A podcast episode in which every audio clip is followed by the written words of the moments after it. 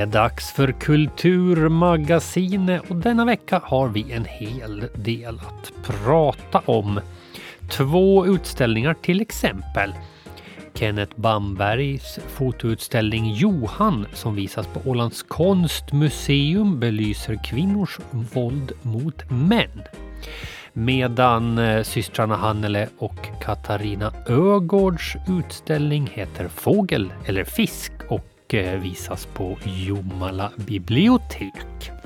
Ålands kulturdelegation har tagit fram en handlingsplan för 2023 och eh, den ska vi få höra om. Titte Törnroth, hon går i pension och Laura Ruonen och Erika Kallasma eh, som ligger bakom både utställningen och boken Sjömonster har vi träffat.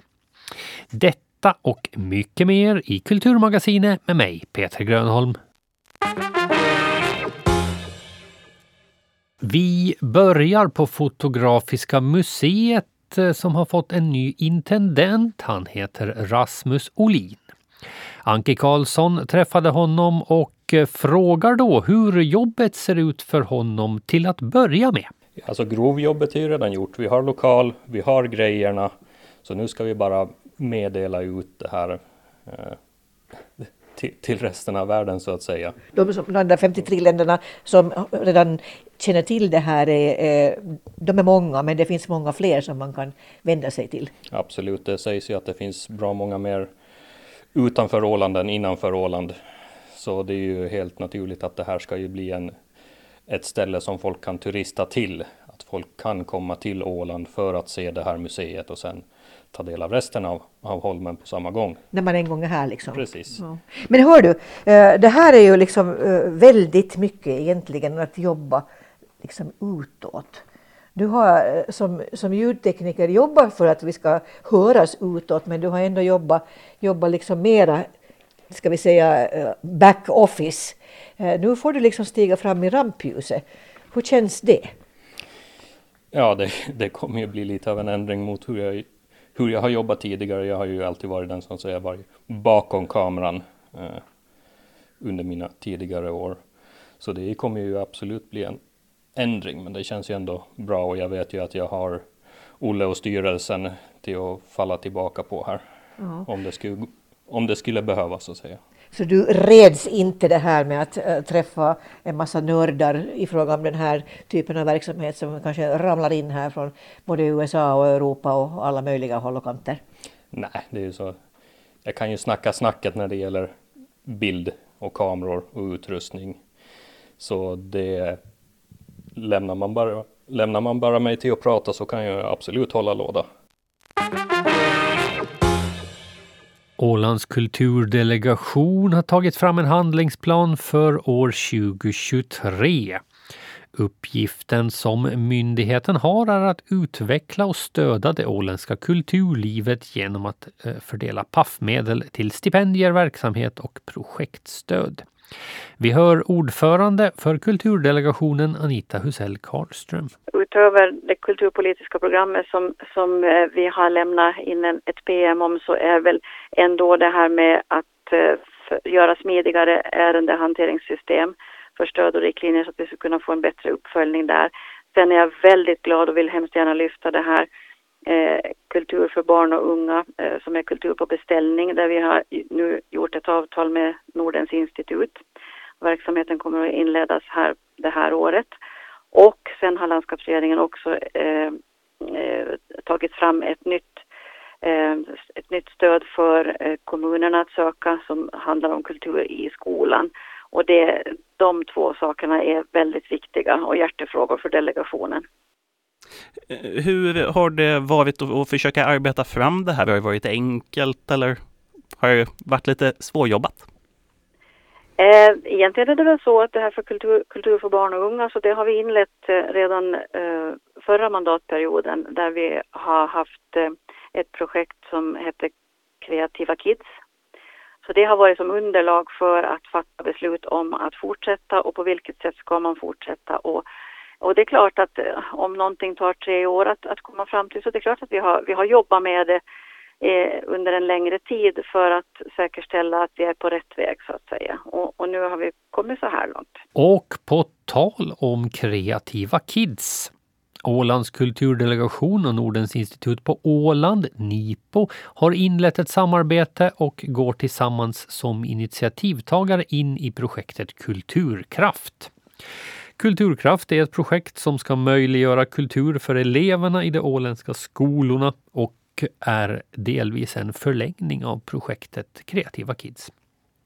Vi hör Yvonne Törneros, kulturplanerare på Kulturbyrån. Parallellt med Kreativa Kids-projektet så har det också pågått eh, diskussioner på kulturfältet om hur man kan utveckla barnkulturen också. Så att jag tror att det finns en beredskap för, och ett intresse för att delta. Hur kommer ni då från landskapsregeringens sida eh, följa med det här projektet? Vi har ju ganska tät kontakt oavsett med varandra och nu är det då dels genom eh, mellanrapporter men sen också en utvärdering. Men, men, det är ju inte så långt mellan oss i praktiken heller så att vi har tät dialog och kontakt med varandra.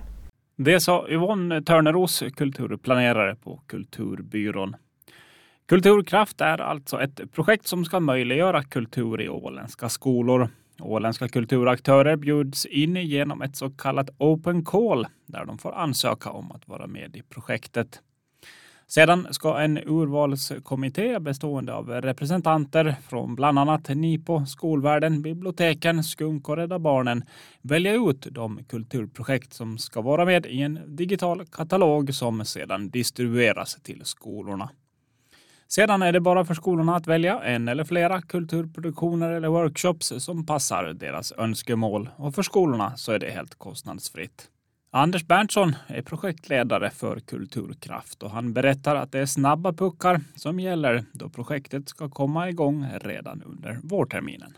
Jo, vi vill börja smått och så bygger vi när vi får erfarenhet om reaktionerna och eh, hur mycket ansökningar vi har och hur många skolor som önskar det och hur många skollärare som, som bokar det.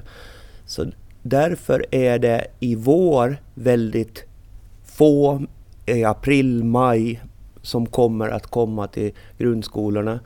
För att det här projektet bygger på läsår och inte kalenderår.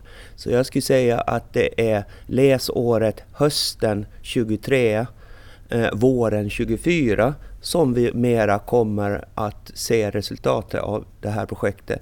För den nordiska delen av, av det här projektet i första omgång så handplockar Nippo och betalar. Men för läsåret 24-25 så då öppnar vi upp för det nordiska. Eh, så projektets helhet kommer egentligen att finnas och förverkligas läsåret 24-25. Ålands filmkommissionär Titte Törnroth slutar sitt jobb i maj efter att hon axlade rollen 2018. Eh, att bland annat eh, serien Gerson och nyinspelningen av filmen Stormskärsmaja har spelats in på Åland beror på att hon har haft ett finger med i spelet. Titte Törnroth berättar om bakgrunden till varför hon väljer att sluta. Jag slutar för att eh, i och med att jag fyller 68 så, så är egentligen min tid som tjänsteman enligt vårt lagsystem och sånt här över. Jag, jag får inte mera sociala förmåner och pensioner på samma sätt. Plus att jag har ingen anställningstrygghet utan jag kan bli uppsagd när som helst. Så, så ska man sluta tycker jag man lika gärna kan göra det då och då finns det möjlighet för nästa filmkommissionär att komma in. Och jag har dessutom projekt som, som jag har liggande som jag kommer att fortsätta med som frilans. Så att, så att fast jag älskar det jobbet så, så är det inte, mitt arbetsliv är inte slut ändå. Hur känns det? Både och. Det, det har varit ett, ett enormt uh, rikt och, och givande och utmanande och roligt jobb. Det blir ju fem år, år eh, fyllda när, när, eh, när jag slutar så, så det är klart jag kommer att sakna det. Men, men samtidigt så, så eh, jag har annat roligt på gång så att det är inte så farligt. Fotografen Kenneth Bambergs utställning som heter Johan ska visas på Ålands konstmuseum då mellan 27 januari och 19 mars. Den berör ämnet kvinnors våld mot män och den har redan blivit prisbelönt. Vi träffade Kenneth och frågade varifrån idén till utställningen kom. Jag läste en notis i en tidning, det var i Husis för ungefär tio år sedan, närmare tio år sedan, så berättade den här nyhetsartikeln då om en man som blev misshandlad av sin fru och han behövde, han behövde få hjälp till platsen. Han höll på att bli halvt ihjälslagen. Och den här eh, operatören, telefonoperatören som tog emot samtalet då att fråga just då om hans storlek. Att hur lång är han och hur lång är frun och vad väger han och vad väger frun och de är ungefär samma storlek. Så då sa telefonoperatören och frågade men liksom att får du på käften av en kvinna att ni är ungefär samma storlek, att där borde du klara och reda upp själv. Och sen var det slut på samtalet. Och när det här hände i Finland så då uppstod det en debatt om saken som varade någon vecka, men sen dog den ut. Och eh, när jag läste den där debatten och följde med lite i den så tänkte jag att det här, här finns intressant och det är liksom det, någonstans där började det här projektet intresse för, för att göra en utställning om män som blir misshandlade i parrelationer. Det var den tändande gnistan och här har du då eh, en rad män som, som har valt att ställa upp. Hur, hur svårt eh, har det varit att, att få personer att ställa upp på en sån här utställning? Alltså det är svårt. Det är jättesvårt för det är ett att tala om. Och jag får kontakt med dem genom att jag annonserar i sådana platser dit män som blir misshandlade kan komma. Och alltså dit också kvinnor ofta kan komma, eller enbart kvinnor, olika.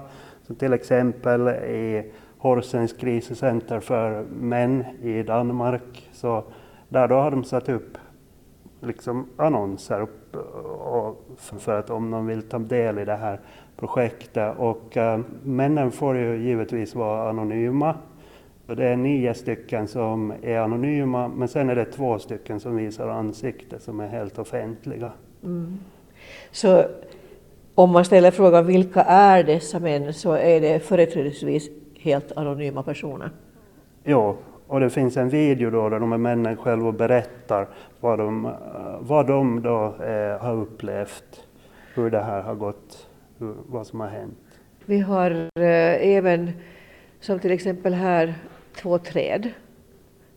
Som, eh, där finns det ingen person som jag kan se i alla fall, men däremot på det ena är en röd banderoll med svart text och på det, på det andra så finns det en svart banderoll med, med eh, röd text.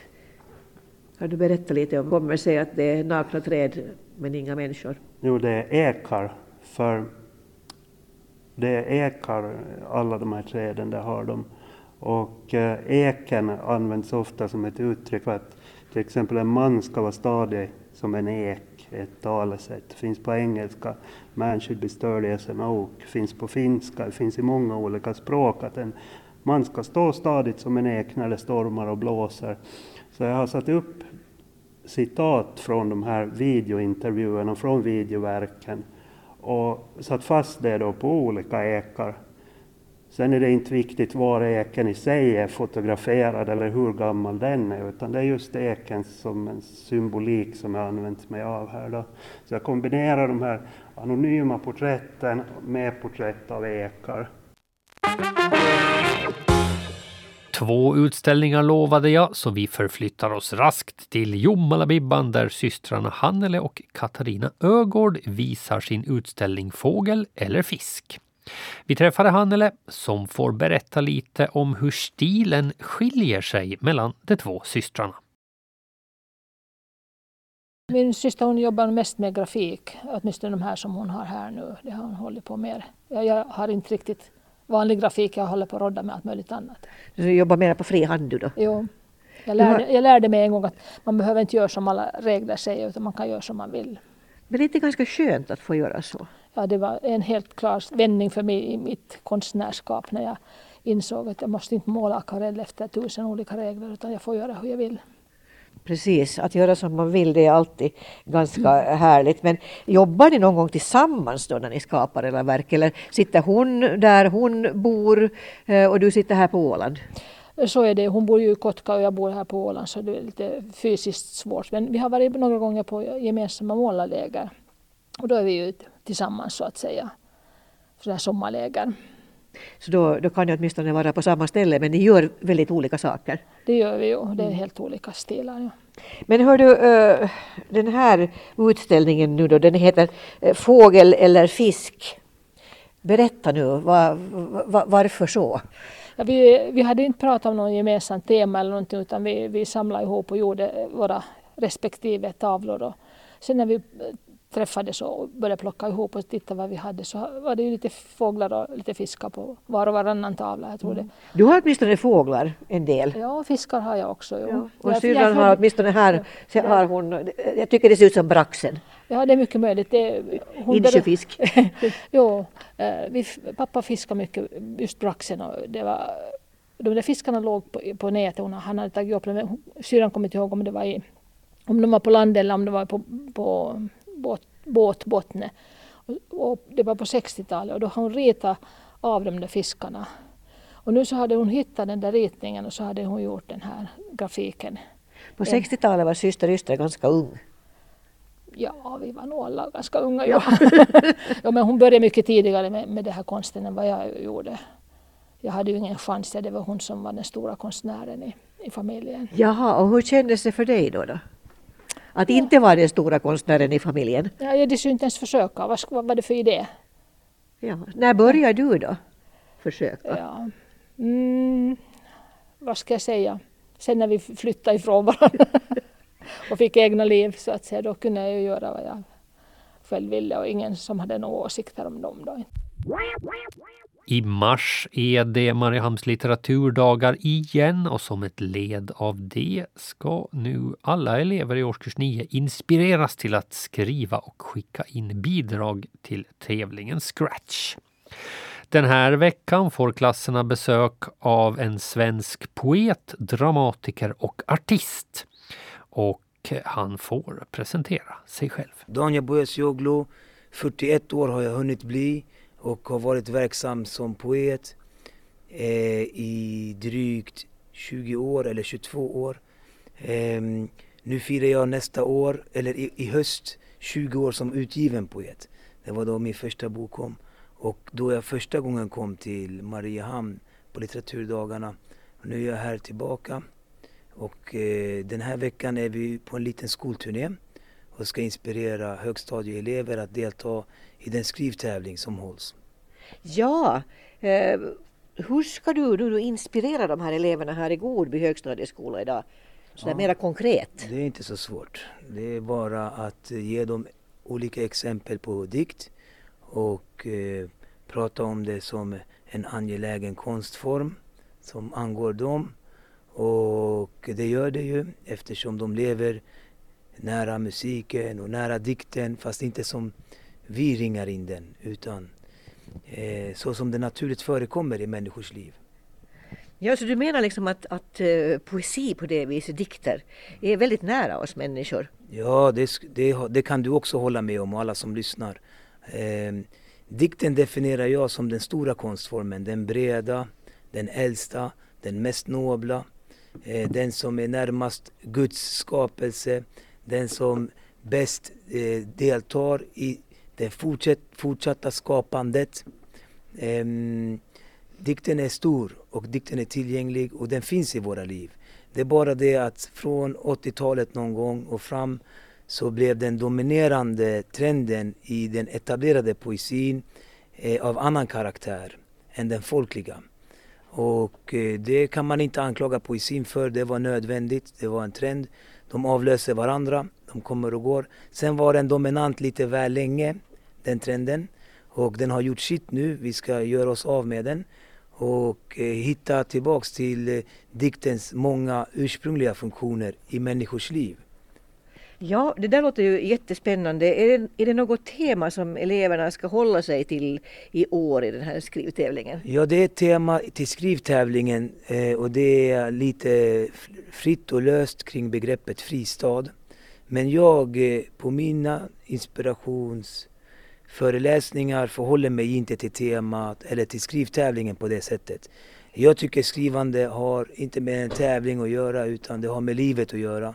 De ska testa att skriva, de ska testa att dikta eh, för sin egen skull, för deras eh, livs skull, livskvalitet egentligen. Och det handlar, det handlar om att erövra sitt språk. Så du är egentligen en fri fågel bland alla ord? Ja, och de ska vara fria så länge det går. Och sen om de slutligen väljer att delta i den här tävlingen, det är en lycklig konsekvens av att de umgås med sitt språk och sitt diktande helt mm. enkelt. Utställningen Havsmonster som eh, den finns på Ålands sjöfartsmuseum är inte bara en utställning utan också en teater, en bok, en pysselkväll och mycket annat. Bakom det här så hittar vi författaren Laura Ruohonen och illustratören Erika Kallasma.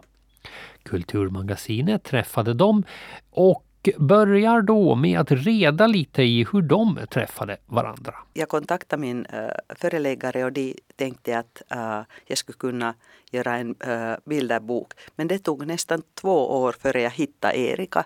För jag, det var, jag hade i mitt huvud mycket klar bild av alla möjliga kryp och kreatur. Och det är väldigt få illustratörer som eh, kan uh, ritas eh, eller uh, hitta på sådana, att det är vanligen människor eller vanliga djur. Att efter jag såg Erikas bilder och de var i en uh, bok som hade kommit ut i Sverige och inte i Finland. Så hon var inte då uh, så känd i Finland att jag skulle ha sett hennes. Men då, det var um, de, de, som de brukar säga, match made in heaven. För vi, vi har så likadan humor. Okay. Att då började vi jobba tillsammans. Mm. Men eh, alltså vad, vilken typ av, av saker hade du liksom ritat och, och målat eh, in, innan?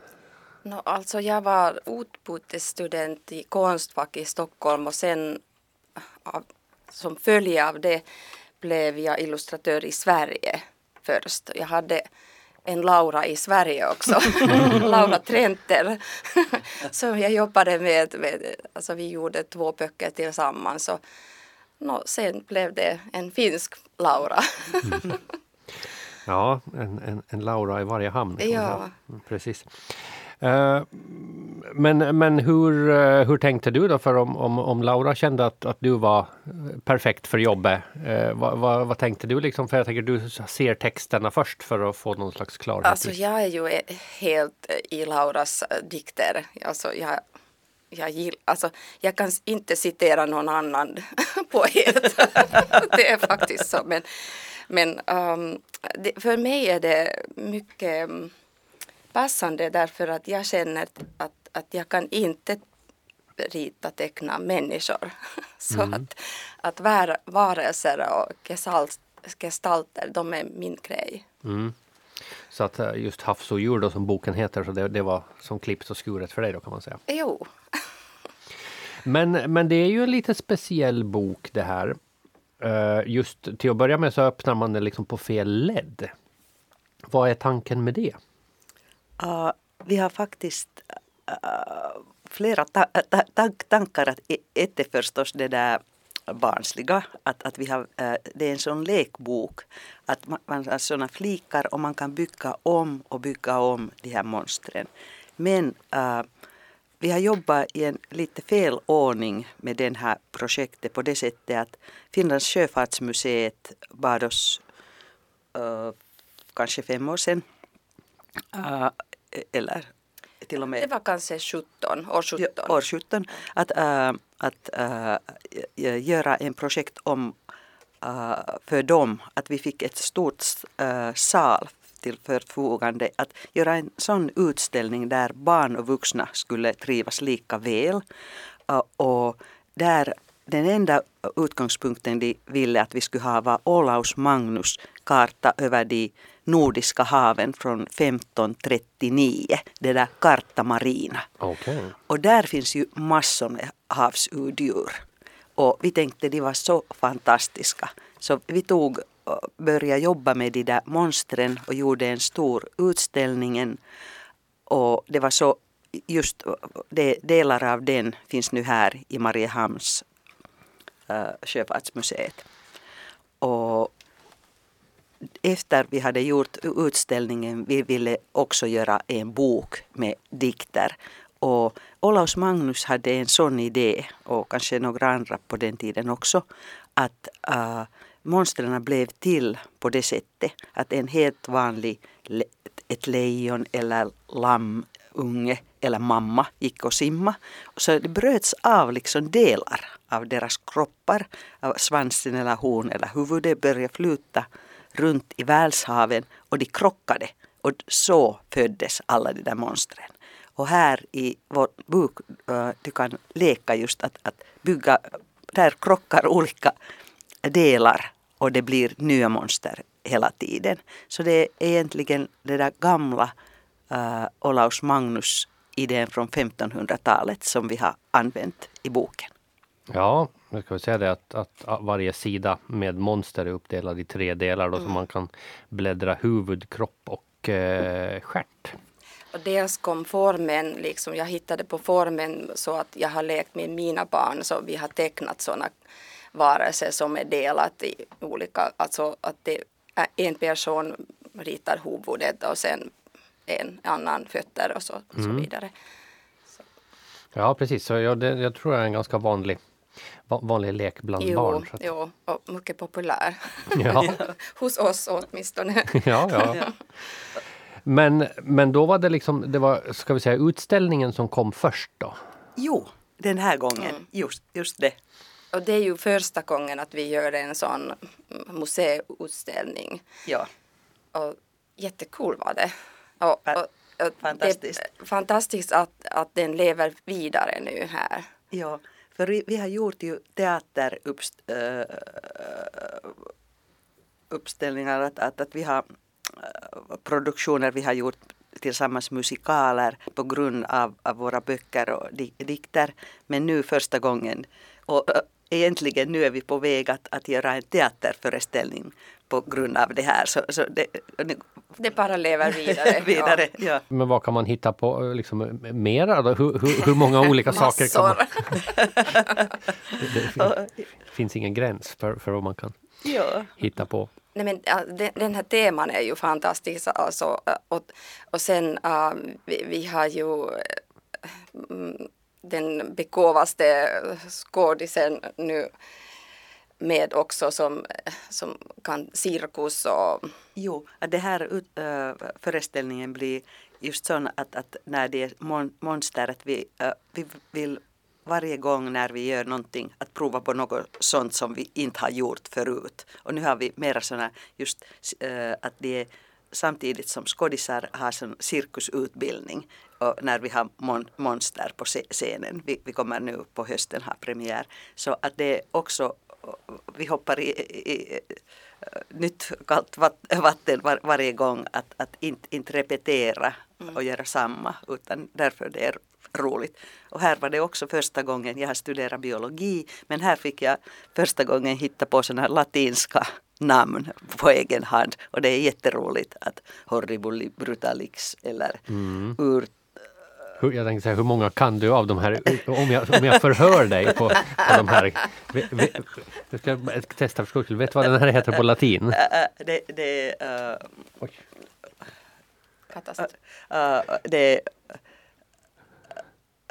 Catastrophicus uh, festivalius ja. subspecies schnaps, alltså uh, det, uh, det Hammurap krabb och på finska är det hummaushummeri, alltså sådär festprisse hum, hummaren. Okej. Okay. Ja, ja, ja. Ja. ja, det, var, det var alldeles rätt. Ja. Den kommer att dyka upp på, på scenen också. Ja. Mm.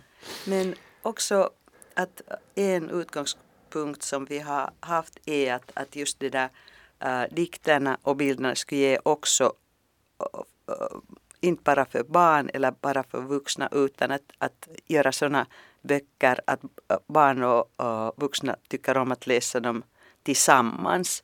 Att det, det är något sånt, inte sådana vitsar att barn skulle inte förstå för att, att det skulle låta och vara trevliga för dem men att också ha en dimension för vuxna. Att till exempel nu har jag här ur-odjuret Simplicissimus Felix. Den sälla encelligheten, ingen hjärna, inget öga, kärlekssorger plågar föga. Vi hörde alltså författaren Laura Ruohonen och illustratören Erika Kallasma. Den åländska journalisten och författaren Marcus Walléns bok Falkens flykt är nominerad till priset Årets bok om svensk historia av nättidningen Svensk historia. Enligt sin hemsida vill tidningen utse förra årets bästa, viktigaste och mest läsvärda eller mest efterlängtade bok om svensk historia.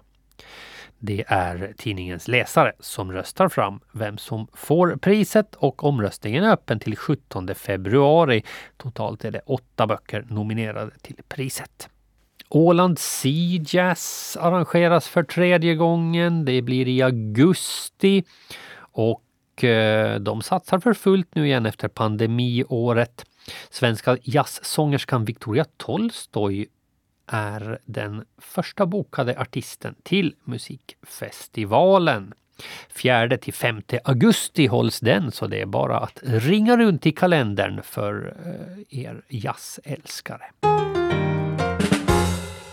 Blickar vi framåt mot februari så har vi ju eh, imorgon lördag OM i historiekunskap på Ålands kulturhistoriska museum.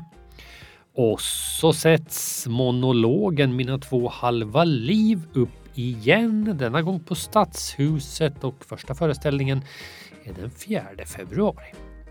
Samma kväll så är det Lions dansgala för den som vill svänga sina lurviga. Och sen får du inte missa Folk och rövare i Kamomilla stad. Också den på Stadshuset idag fredag och imorgon lördag. Du har lyssnat på Kulturmagasinet med mig Peter Grönholm. Simma lugnt!